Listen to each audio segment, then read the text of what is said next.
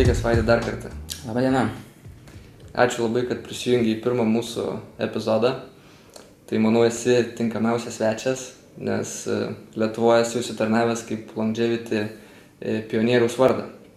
Dėkui, gal ir yra, sakyčiau, tiesos, teko prie šitos srities prisidėti, pasigilinti ir tai tiek iš praktinės pusės, tiek ir iš teorinės pusės. Tai manyčiau labai perspektyvis rytis ir tikimės, kad tai vis labiau populiarės.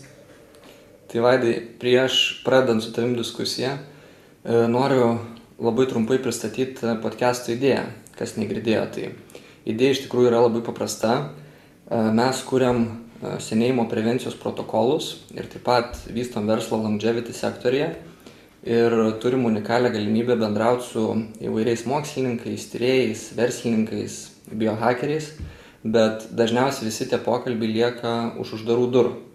E, tai pasvarstėm, kad podcast'o formatas yra tinkamas, e, kad kai kurios tos pokalbius įrašyti ir tiesiog pasidalint su plačiaja auditorija. Tai va. O kalbant apie tave, Vaidai, aš pirmą kartą tavo vardą išgirdau grubiai prieš du metus, kai pradėjau ieškoti, kas Lietuvoje galėtų man padaryti biologinio amžiaus tyrimą. Tai va, tai nuo to laiko džiaugiuosi, kad pradėjom e, kartu bendradarbiauti tą temą Tai va, bet iš tikrųjų niekada neturėjau progos tavęs paklausti, e, kas privedė prie Longevity entuzijos grupės susikūrimo ir, sakykime, iš mokslinės pusės, kodėl tave patraukė senėjimo, e, senėjimo tema. Jo, tai gal pradedant būtent, kodėl, kodėl patraukė šitą e, mokslo temą, tai, sakykime, jau dabar sklando tokių, sakykime, kalbų, kad senėjimas turėtų būti ne tai, kad natūralus procesas, bet turėtų būti vertinama kaip lyga. Nu, lygas, aišku, reikia gydyti. Na, viskas, aišku, prasidėjo nuo longevity garsaus profesoriaus Davido Sinclairo, Harvardo profesorius, kuris 2006 metais būtent pradėjo e, tyrimus laboratoriniam sąlygom e, su modeliniais organizmais pelėmis ir jam, jiems pavyko būtent jo komandai e, ne tik išsiaiškinti senėjimo procesą, būtent biologinius kelius, bet ir net juos pristabdyti ar net atsukti atgal. Tai aš manau, kad tai tikrai turėtų žavėti, ypač tiek, tiek mokslo pasaulio atstovus, tiek ir, ir paprastus žmonės, nes na, visi nori būti jaunatviški ir gyventi labai ilgai. Tai būtent prieš kažkur penkis metus e, e, nedidelėje bendraminčių e, grupiai nusprendėm būtent pasitirinėti ilgamšiškumo parametrus, telomeras, nadmolekulė ir pasižiūrėti, kaip būtent kokie yra, jie yra ir kaip jie keičiasi būtent su amžiumi. Na tai turėjom tokių įdomesnių rezultatų. Ir vėliau mūsų būtent entuziastų grupė išsiplėtė nuo kelių asmenų iki, sakykime, beveik poras šimtų. Ir na, tikrai labai e, įdomi bendruomenė, domisi longevity tema, iš praktinės pusės pasitirinėję. Taip pat sekam ir mokslinę literatūrą ir na, norim būti tiek, tiek ypač Lietuvoje pasikaustęs šitą temą ir na, judėti prieki. Tai vaidai minėjai, kad su pirmaisiais entuziastais, e, kolegomis atlikinėjai nado tyrimus ir telomero ilgių tyrimus. Tai aš pas tavę irgi tuos tyrimus atlikau. Ir iš telomero ilgio tyrimo tu kaip ir gali apskaičiuoti biologinį amžių. Tai klausimas man kyla, kodėl būtent telomerų ilgių tyrimą pasirinkai, o pavyzdžiui ne e, DNR metilinimo lygio, pavyzdžiui, tyrimą. Jo, tai iš tikrųjų atsakymas būtų labai, labai paprastas. Kai tu išsitiri telomeras, tu gali pasakyti, e, kaip jos atrodo tavo bendramžių grupiai. Na, tai ar jos yra, kabutėsi, vyresnės, ar yra jaunesnės. E, taip pat ir gali stebėti dinamiką. Bet telomeras labiau atspindi tavo biologinį amžių čia ir dabar, šią dieną būtent.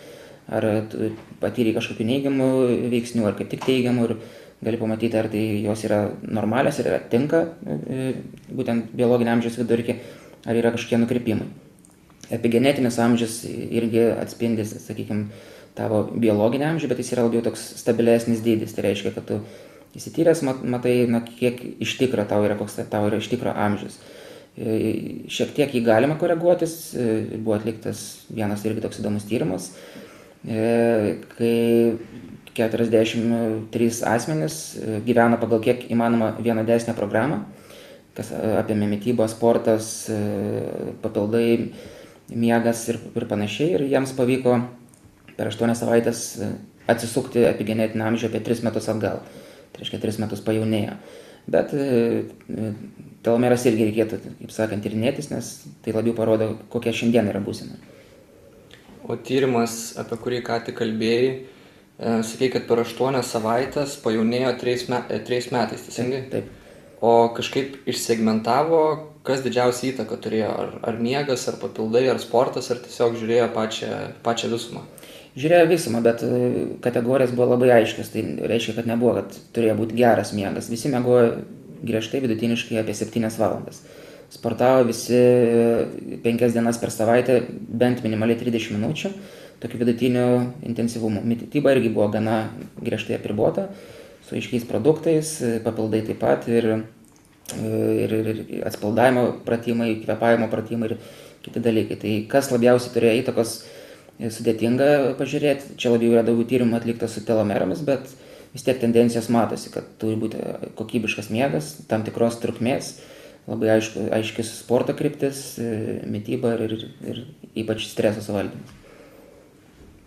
O kalbant apie skirtingus testus rinkoje ir ką, ką gali kaip vartotojas, sakykime, nusipirkti, pasitestuoti, aš pamenu, kai pristatinėjai mano asmeninius rezultatus, e, buvau įsiminęs apie tokį tyrimą Grim Age, ir jeigu aš klystu, gali mane pataisyti, bet principas toks, kad tas tyrimas mėnesio tikslumu parodo tavo mirties datą, teisingai?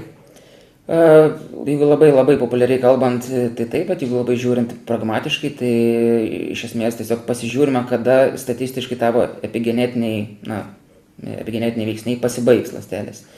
E, tai tokia, tokį paskaičiavimą statistinį galima matyti. Aišku, čia viskas yra nepriekaištingomis sąlygomis, tai reiškia, mes turime atmesti visas galimas ligas, nelaimingus atsitikimus ir panašiai.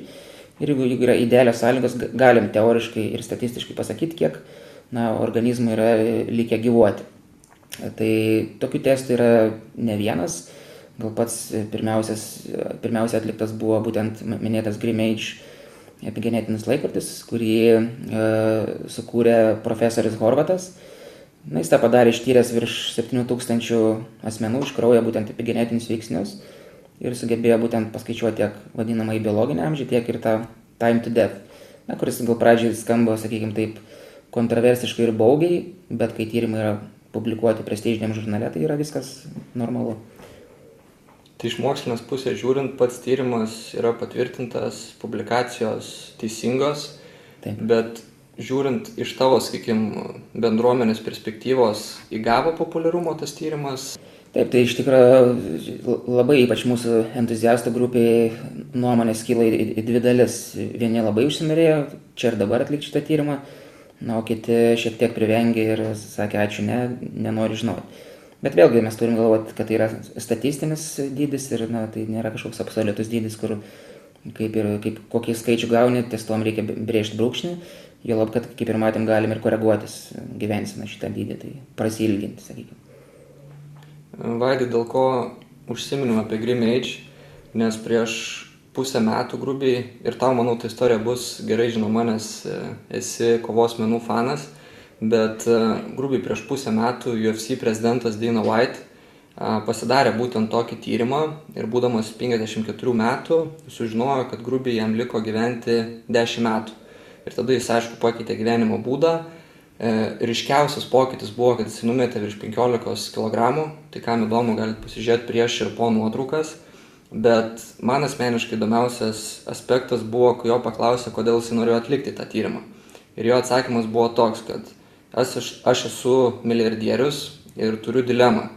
Realiai nenoriu išleisti per daug pinigų ir palikti savo vaikų basų, bet iš kitos pusės žiūrint, nenoriu, tu prasme, per daug pinigų palikti bankę, kad numirčiau nepasimėgavęs gyvenimu. Tai čia realiai buvo jo toks apraučias. O toliau žiūrint į tavo bendruomenę, atrodo, kad žmonės atlieka pastoviai tą biologinio amžiaus tyrimą, bet kokia dažniausiai būna priežastis tiesiog sekti progresą, ar įdomumo dėlį, ar kaip jis veikia, kodėl žmonės atlieka.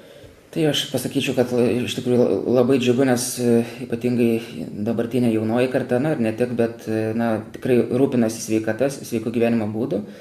Ir kaip pat irgi, sakykime, iš vieno didesnio verslininko, e, tokia mintis buvo labai įdomi, kad na, jis paminėjo, kad, na, sako, jau visus pinigus užsidirbam, dabar beliko tik gyventi ilgai ir, ir būti jaunatviška. Tai aš sakyčiau, kad, na, toks ir yra pagrindinis tikslas, kai tu matuojas šitos biologinius parametrus, tu iš praktinės pusės matai, kokia tavo yra organizmo būklė, ar tu esi jaunatviškas, ar tu esi nelabai. Na, ir tada yra tokia motivacija e, kaip tik siekti pasigerinti tokius rodiklius, kaip ir atminėjai su to praktiniu UFC prezidento pavyzdžiu. Tai, na, manau, tikrai yra labai normalus dalykas, kad šiuolaikiniai visuomeniai, kur mokslo progresas juda milžinišku greičiu, kad, na, po truputį galėsim galbūt ir koreguotis biologinį amžių ir jį prasilginti. Na, kaip būtent longevity įkurėjas Davidas e, Sinclairas teigia, kad, na, gyvenimo trukmė iki 120 ar net 150 metų yra visai realus pasiekiamas dalykas. Tai manau, tai su tuom ir juda tiek, tiek mūsų grupė entuziastų, tiek ir moksliniai tyrimai. Aš turiu dar klausimą būtent iš savo asmeninės patirties. Realiai prieš porą mėnesių pasidariau tokį epigenetinį tyrimą gamintojų mūgdo, kuris parodė biologinį amžių. Tada įskridau į Ameriką, į Vegasą tiksliai, Vegasą turėjau gerą laiką, tūsinau ir tada nuskridau į San Franciską ir kaip tik uh, Sinclairas paleido savo naują projektą Tally Health, kur irgi parodo tavo biologinę amžių iš seilių mėginio. Tai realiai po savaitės pasidariau Sinclairo uh, testą ir tada sulyginau abu rezultatus. Ir biologinis amžius skyrėsi beveik dviejais metais. Tai tas Tally Health parodė didesnį amžių. Ir man pradžiai pasirodė neaišku, galvojau, kad kažkuris testas meluoja, bet tada, kai su tavim pakalbėjom, tu man paminėjai, kad pati epigenetika iš dalies yra labai jautri ir tos penkios dienos Vegase galėjo turėti didelį įtaką ir, rezultatai realiai padidėjo dviejais metais. Taip, tai iš tikrųjų e, epigenetika arba e, latiniškai verčiasi epigenetika virš genetikos, tai yra tokie epigenetiniai veiksniai, kurie būtent e, sugeba prisijungti prie mūsų genų ir juos arba aktyvina arba slapina, veikia kaip jungikliai. E, bet va čia yra tas dinamiškumas, kad jeigu mes gaunam kažkokį dirgiklį iš aplinkos, ar tai būtų geras dirgiklis, ar tai, ar tai blogas, na, epigenetiniai veiksniai iš karto reaguoja, įjungia tam tikrus reikalingus genus ir tada genai jau duoda atsaką į aplinką. Na, tai prisitaikom prie aplinkos. Tai būtent e, kažkokie vat, blogi įpračiai, kaip minėjai, e, penkių dienų gastrolės gali, sakykime, ir epigenetiką šiek tiek išbalansuoti. Na ir tas tikėtina atsispindėjo būtent biologiniam laikrodį. Tai tą reikėtų atkreipdėmės ir, kaip ir minėjau, galim daug ką kontroliuoti savo rankomis, būtent matant, kokie yra tyrimai, praktiškai tiesiog juos atkartoti ir, ir taip koreguotis gyvenseną. Dar vaidai buvai minėjęs, kad a, patys, sakykime, epigenetiniai tyrimai iš tavo perspektyvos įgauna pagreitį ir populiarėja. A, ir kas man asmeniškai yra labai įdomu, E, kokie pacientai dažniausiai domisi tais tyrimais? Jo, tai iš tikrųjų didžioji dalis e, mūsų grupės entuziastų tai yra verslo atstovai, e, didelių, sakyčiau, kompanijų vadovai, kur, na, aš kaip suprantu, savo profesinėse srityse jie yra pasiekę arba viską, arba beveik viską. Na ir natūraliai tada kyla klausimas, kad ką dar galima čia būtent pasitobulinti. O jaunatviškumas ir sveikata, sakyčiau, tam, tampa numeris vienas na, prioritetų. Tai būtent didžioji dalis, sakyčiau, yra na, tokių asmenų. Sveikata tai yra brangus dalykas, tiek tiesioginė, tiek perkeltinė prasme. Ir visi tyrimai ir įvairūs longevity papildai ir procedūros, jos tikrai kainuoja. Bet, na, tokia investicija, aš sakyčiau, yra, na, super dalykas, nes, na, į kur geriausia investuoti, jeigu ne į save. Ir tikėtina, kad tas ir atsipirks ateityje, nes, na, tu galėsi gyventi ilgiau, kokybiškesnį gyvenimą, su geresnė sveikata, plus viską gali stebėti na, iš praktinės pusės, na, vos ne kas mėnesį gali pasižiūrėti, kaip, kaip keičiasi. Ir ar tavo įdėtas darbas būtent na, atsiperka. Supratau, tai realiai apie ką mes dabar kalbam, tu užsiminė apie tyrimus, apie papildus, tai čia vis tiek gaunasi prevencija. Tu nieko negydai, tiesiog užsiemi prevenciją. Sekanti tema, sakykime, čia padarėm tokį kaip minimalų įvadą, bet medicinos bendruomenė dabar mato tokią, sakykime, medicinos evoliuciją. Ką, ką turiu omeny, kad tradicinė medicina kitaip yra vadinama medicina 2.0. Tai jeigu duot praktinį pavyzdį, tai jeigu turi, pavyzdžiui, auglį ir ateini pas chirurgą, kad tau tą auglį išpjautų, yra labai didelė tikimybė, kad jisai tau tą auglį pašalins puikiai. Bet jeigu tu jo paklausi, ką man reikėjo daryti prieš 30 metų, 20 ar 10 metų, kad tas auglys neatsirastų, jis tau tikriausiai atsakymo tikslaus negalės pateikti. Ir čia atsiranda tas perėjimas į naują mediciną, kuri vadinasi medicina 3.0. Tai iš principo personalizuota medicina, kuri yra pagrindę fokusuota į prevenciją. Tai kadangi tu vaidai, kalbant apie Lietuvą, esi ilgamžiškumo industrijos širdį ir iš principo labai gerai jauti pulsą, kas vyksta pačioje industrijoje, tai va ta nauja medicina, personalizuota medicina, ar, ar jinai egzistuoja iš vis dabar Lietuvoje ir kitas klausimas, kokioje jinai dabar stadijoje yra tavo akim.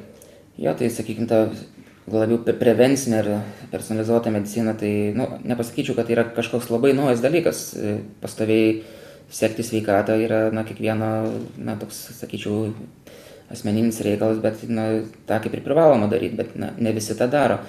Tai iš esmės negalim sakyti, kad tradicinė medicina na, jau nueina, ji tikrai išliks, bet ta būtent 3.0 prevencinė medicina, ji tikrai po truputį gaus populiarumą, nes jos esmė yra, kad tu periodiškai e, sėki savo sveikatos rodiklius. Nesvarbu, kad jautiesi gerai, kad tau atrodo, kad esi sveikas, bet tu pastoviai daraisi, na, būtent tyrimus, tiek išplėstinių kraujo tyrimą, tiek galbūt kitus e, instrumentinius tyrimus ir tu bandai pastoviai žinoti, koks yra tavo, tavo sveikatos būklė. Jeigu yra kažkokie pokyčiai, tu gali iš karto reaguoti, konsultuoti su gydytojais, koreguotis e, ar užkirsti kelią būtent kažkokiam atsirandančiam lygom. E, Taip, tai iš tikrųjų tikrai neturėtų būti pigu, nes na, pastoviai tyrinėti sveikatą kainuoja, bet žinant, kad šita investicija gali atsipirkti ateityje ir tau nebereikės leisti pinigų gydimui ar visokiom procedūrom ar panašiai, tai manau, kad geriau dabar investuoti ir stebėti savo sveikatą, negu dabar numoti ranką ir po to jau galėtis ir, ir, ir dar daugiau sumokėti. Ne tik finansiškai, bet ir galbūt psichologiškai ir kitaip.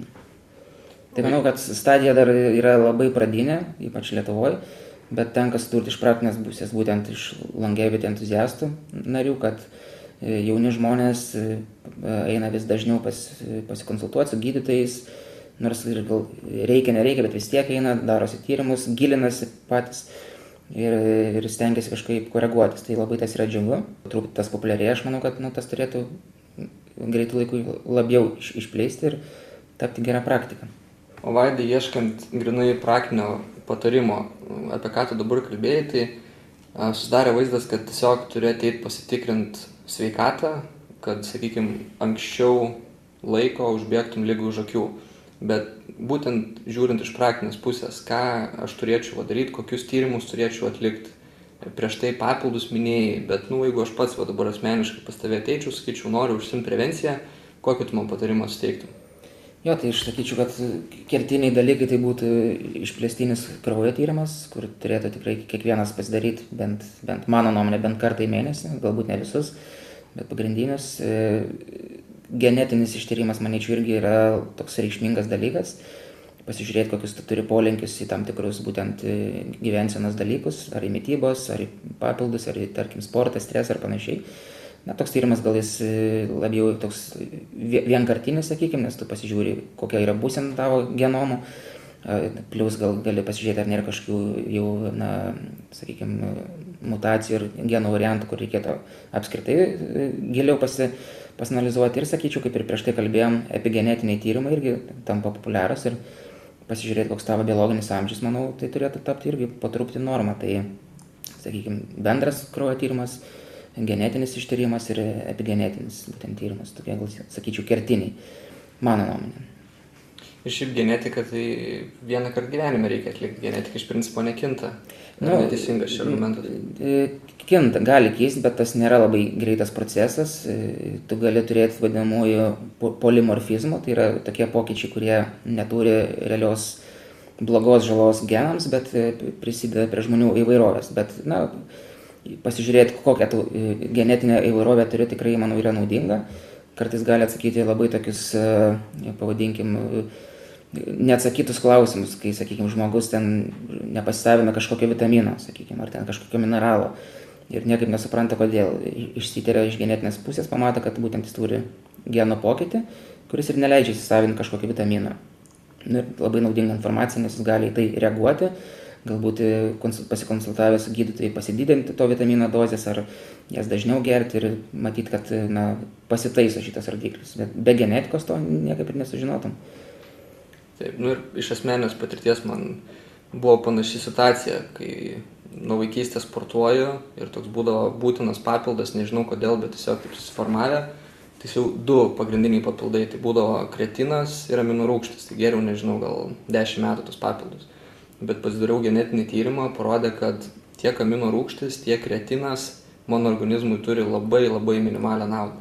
Tai tą sužinojęs, aš tos papildus tiesiog paėmiau, paėmiau ir išmečiau, nes nereikia jų tiek gerti. Aišku, galbūt nėra taip juoda balta, bet genetinis testas tikrai parodo, ko reikia tavo organizmui grinai iš genetinės pusės.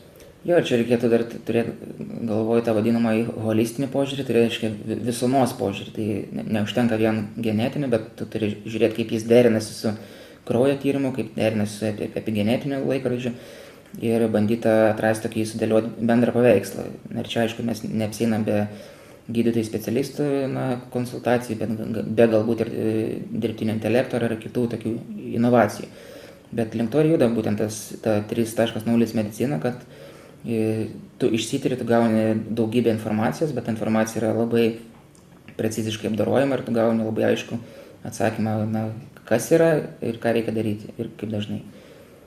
Čia labai teisingai pasakėjai, nes Šiaip žiūrint į Lietuvos rinką, tu gali pasidaryti tiek genetiką, epigenetiką, kraujo tyrimus, bet kur atsiranda problema, kad tu skirtingus tyrimus dažniausiai atlieki skirtingose įstaigose ir tau jos patikė savo kažkokius rezultatus, bet kad visumą apimt, va ką tu sakei, kad esmė yra visuma, kad kaip tie rezultatai persikloja vienas su kitu ir kur yra ta tiesa. Tai va čia atsiranda problema, manau, iš vartotojo pusės, nes nėra kažkokio gydytojo, kuris arba gydytojų komandos, kurie turėtų kompetenciją įvertinti e, skirtingus tyrimus. Link to ir judam, nes iš esmės, jeigu vienoje vietoje įmanoma būtų pasidaryti visus tyrimus ir gauti koncentruotą konsultaciją ir po to stebėseną, tai tikrai palaikyčiau tokią iniciatyvą. Perinant prie paskutinės temos, manau, jinai puikiai susisės, ką kalbėjom pradžioje kai minėjai, kad tavo klientai pagrindai yra e, vadovai. Kokį trendą matau ne tik užsienį, bet ir Lietuvoje. Pačios įmonės pradeda investuoti į darbuotojų sveikatą ir labai puikus pavyzdys, kurį mačiau nesenai socialiniuose tinkluose, buvo iš įmonės Board Panda. Ką jie padarė, jie tyrė vitamino D koncentraciją kraujyje 35 darbuotojams ir buvo nustatyta, kad iš 35 darbuotojų 34 buvo vitamino D trūkumas. Aišku, jie vėliau gėrė papildus, kad tą trūkumą atstatytų. Tai klausimas būtų toks, kokią naudą darbuotojų produktivumui turi epigenetika ir personalizuota medicina? Taip, tai iš tikrųjų aš sakyčiau, kad labai būtų gera iniciatyva, jeigu įmoniai būtų na, atliekami panašus tyrimai ir stebėsena nes jeigu tu gali savo komandą na, ištirti ir vėliau na, pas, pakoreguoti rodiklius ir tas e, at, at, at, atsilieptų būtent į geresnę darbuotojų nuotaiką, na, rečiau sirgtų, būtų galbūt ir produktivumas didesnis, tai automatiškai į rezultatus įmonės. Tai manau, tikrai būtų labai toks na, inovatyvus žingsnis iš vadovo, jeigu tokia būtų iniciatyva e, ir jeigu būtent na, užmotivuotų, sakykime, darbuotojus, nes būtent mūsų longevity entuziastų grupė, na, kartais būna net ir tokia sveika konkurencija, kur na, mes išsitirėm, mes matom, kad rodikliai geri, bet labai norim pasižiūrėti, o pas ką yra geresni. Ir tarsi noriu ir kad ir pas tave būtų e, dar geresnė. Tai tokia motivacija sveikatos rytyje, jeigu pavyktų paskatinti, tai nebejotinai tai atsilieptų na, tikrai įmonės rezultatą, nes na, tu turi geros nuotaikos nesergančią, aktyvę, produktyvę komandą ir tu gali kalnus nuversti su tokiais darbuotojais. Ir ieškant, sakykime, gerųjų praktikų netoli, norėčiau paminėti keisą iš e, Estijos. E, vienoje konferencijoje teko susipažinti su Andrės Metspalu ir Vaidai prieš įrašinėjant buvai minėjęs, kad pas jį stažavaisi, jeigu teisingai pamenu. Taip. Tai va, tai ką jisai padarė, jisai šiaip Estijoje yra laikomas tokiu kaip genijumi e, genetikos rytyje Ir ką jisai padarė, jisai sukūrė e, genetinį testą, kuris parodo tavo riziką susirgti antro tipo cukriniu diabetu. Ir tada sukūrė algoritmą, kuris e, įvertina tavo riziką iš genetinės pusės ir taip pat pridėdamas tavo svorį. Tai pavyzdžiui, jeigu palaikai savo svorį, tavo rizika susirgti cukriniu diabetu yra X. Jeigu numeti 5 kg, tavo rizika mažėja. Jeigu 10 kg, aišku, dar mažėja.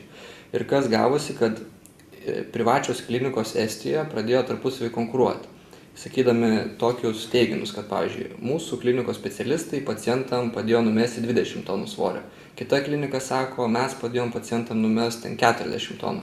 Ir kas gavosi, kad Jie patvirtino konceptą e, privačiame sektorėje, atkreipė dėmesį iš Estijos valdžios ir Estijos valdžia, man atrodo, investavo apie 30 milijonų, kad tą testą išplėst po visą Estiją.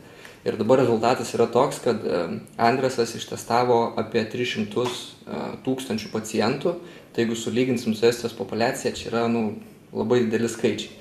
Tai va, tai kadangi yra santykių su Andersu, e, tikiuosi išeis pakviesti į, į kitą podcast epizodą. O tau, Vaidai, noriu padėkoti. Filmuosim dar ne vieną epizodą, nes temų, temų yra tikrai daug. Ačiū labai, kad pakvietėte ir tikimės, kad turėsime ilgalaikį bendradarbiavimą podcast'ą būtent sferai. Pabaigai dar norėčiau paminėti, kad e, Birželio gale e, planuojame startuoti klinikinę studiją, e, kur žiūrėsime Davido Sinkliero rekomenduojamų papildų kaip resveratrolis, enemenas, kvercitinas, berberinas ir fisetinas poveikį biologiniui amžiui. Tai tiem, kas, kam įdomu prevencija arba vartojat papildus, paliksiu nuorodą registracijai aprašymę. Ačiū.